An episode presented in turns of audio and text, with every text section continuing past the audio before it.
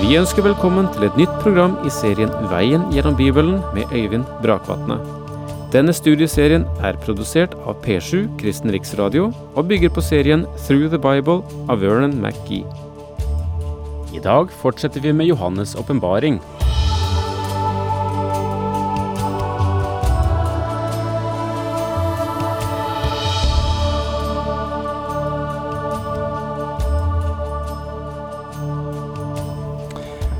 Vi befinner oss i det tredje brevet av i alt syv i åpenbaringsboken, nemlig brevet til Pergamon.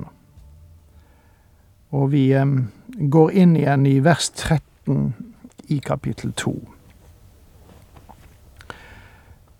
La oss eh, huske nå at eh, Pergamon var det religiøse senter av de eh, tre eh, byer og menigheter som vi har nevnt til nå.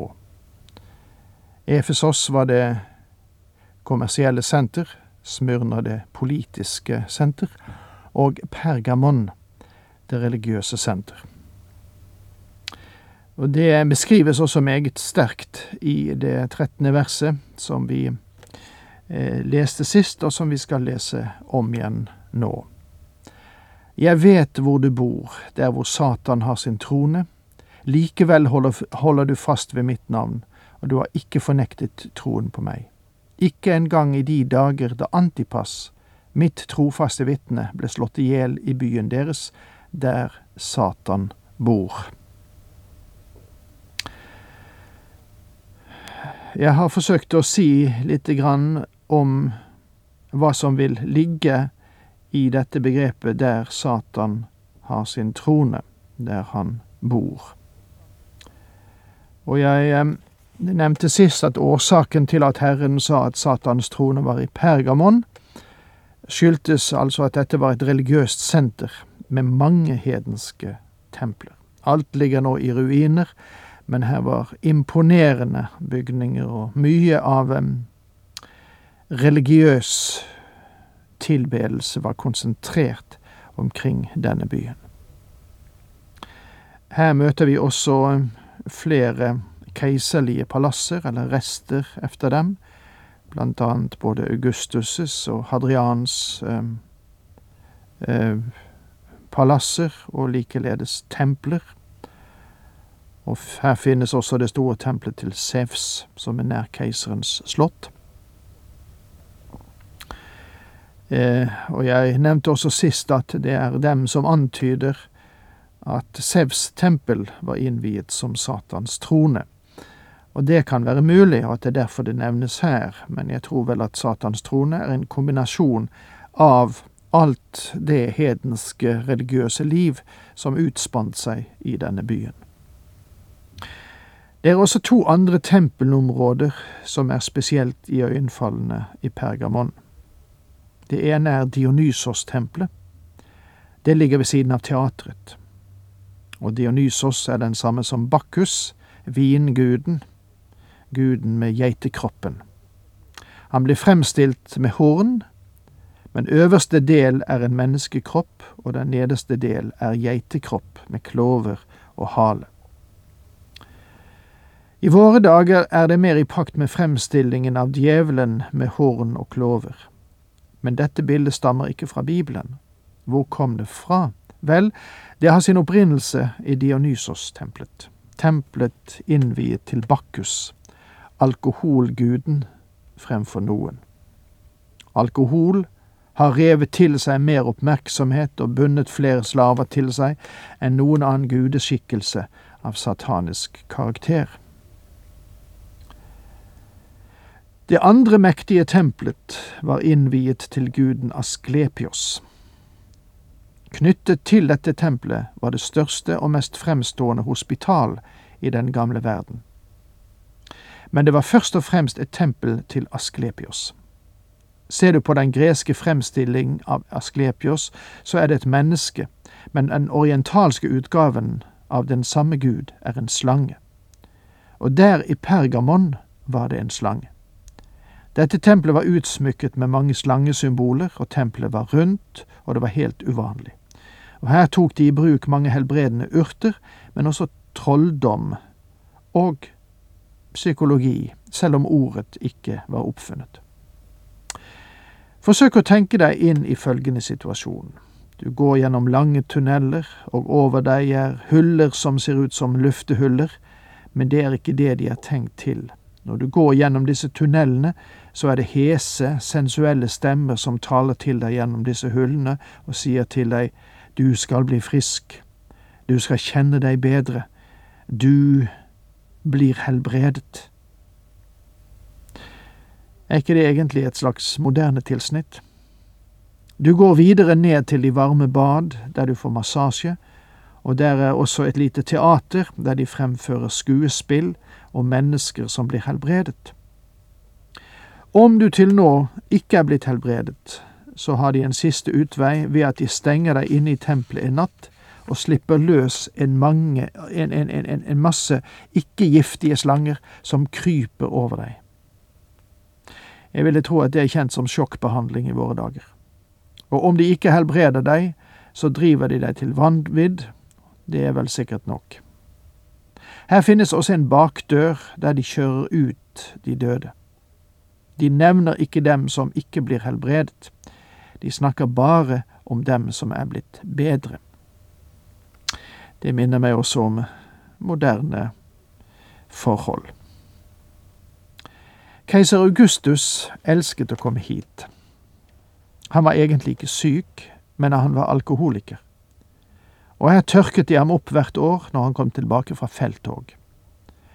Dette var et fenomenalt sted, og i 700 år var det et hospital dit mennesker kom fra hele verden. For jeg understreker for dere at helbredelse var satanisk på den tid. Det er ikke tvil om at det fantes gode menn der også som brukte medisin, men grunnlagsfilosofien var satanisk. Det var her Satans trone var, og det er det viktig å se. Her kommer nå enda et rosende ord til troende i Pergamon. Du holder fast ved mitt navn. De var trofast når det gjaldt å forsvare Kristi guddom. Som jeg har sagt tidligere, så er menigheten i Pergamon representativ for kirken generelt sett i perioden år 314 til år 590, sånn cirka. Faktisk var det en tidsalder der veldige troskjemper sto frem. Da kjetteren Arius sto frem som fornektet Kristi guddom, da var Athanasius fra Nord-Afrika den store forsvarer av troen. Og det var hans fortjeneste at kirkemøtet i Nikea i år 325 fordømte arianismen. En annen av disse store helter var Augustin, som ga et svar på kjetteriet under Pelagius, han som fornektet syndens rot og menneskenaturens totale fordervelse, og også fornektet Guds veldige nåde. Disse mektige troens forkjempere sto fram urokkelig for kirkens sanne lære i denne tid. Og du har ikke fornektet troen på meg, henviser til den apostoliske overlevering som kristne har som sitt grunnlag. Ikke engang i de dager da Antipas, mitt trofaste vitne, ble slått i hjel i byen deres. Antipas var en martyr som vi ikke vet noe om. Det virker sannsynlig at han var den første martyr i Pergamon, og at mange martyrer senere fulgte ham. Så langt har Kristus bare gitt menigheten i Pergamon rosende ord. Men nå har han to ting i denne menigheten som han setter fingeren på og ikke kan akseptere. Men noe har jeg imot deg. Du har hos deg noen som holder seg til Biliams lære, han som lærte Balak hvordan israelittene skulle lokkes til synd så de spiste avgudsoffer og drev hor. Også du har noen hos deg av samme slag, de som holder seg til nikolaittenes lære. De to forhold som Herren her påpekte, var Biliams lære og nikolaittenes lære. Biliams lære er forskjellig fra Biliams forvillelse, som vi møter i Juda 11, som gikk ut på at Biliam trodde at Gud ville forbanne Israel fordi de var syndere. Og den er også forskjellig fra Biliams vei, som Peter omtaler i sitt andre brev kapittel 2 vers 15, som var begjær. Men her i dette verset tales det til oss om Biliams lære. Han lærte Balak måten han skulle bryte Israel ned på, gjennom at han aktualiserte ekteskap med moabittiske kvinner. Og dette førte både avgudsdyrkelse og hor inn i Israel. Og under denne historiske perioden som menigheten i Pergamon representerer, kommer den uomvendte verden inn i kirken. Eh, den hadde vært der som spredte tilløp tidligere, men nå ser vi at den omdannes sterkt. Nikolaitenes lære. Vi har tidligere sett at menigheten i Efesos hatet dem, men her i Pergamon var det noen som holdt fast ved denne lære. Og selv om vi ikke vet nøyaktig hva læren gikk ut på, er det sannsynlig at det var en gnostisk kult utviklet av Nikolaus som forsvarte løssluppenhet i spørsmål om kristen livsstil, sterkt lederstyrt, der det allmenne prestedømmet av de troende ble satt til side. Kristus sier at han avskyr dem, og her ser du at baksiden av kjærlighet er avsky. Og jo høyere og edlere kjærligheten er, jo dypere den avsky for det som ødelegger formålet for, den, for denne kjærlighet. Og det er best at vi er varsomme, så vi ikke bedriver det han avskyr. Vend om, ellers kommer jeg snart over deg og vil kjempe mot dem med sverdet som går ut av min munn.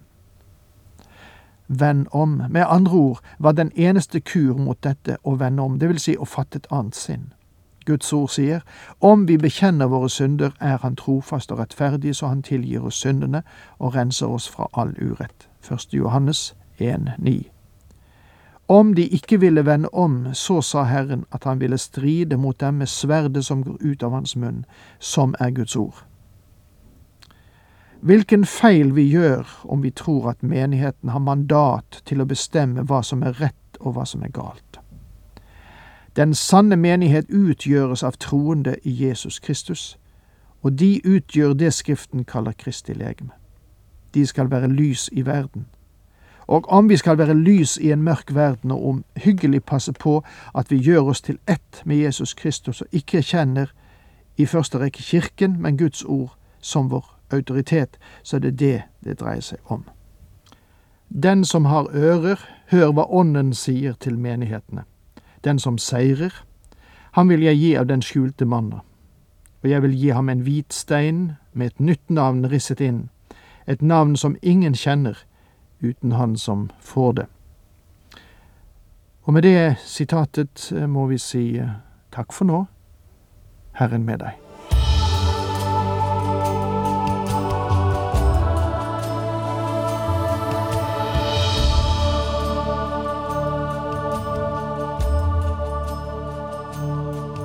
Du hørte Øyvind Brakvatne i studieserien Veien gjennom Bibelen. Serien bygger på et manus av Vern McGee. Har du spørsmål eller kommentarer til programmet, kan du sende en e-post til vgb krøllalfa p7.no. Takk for i dag, og på gjenhør.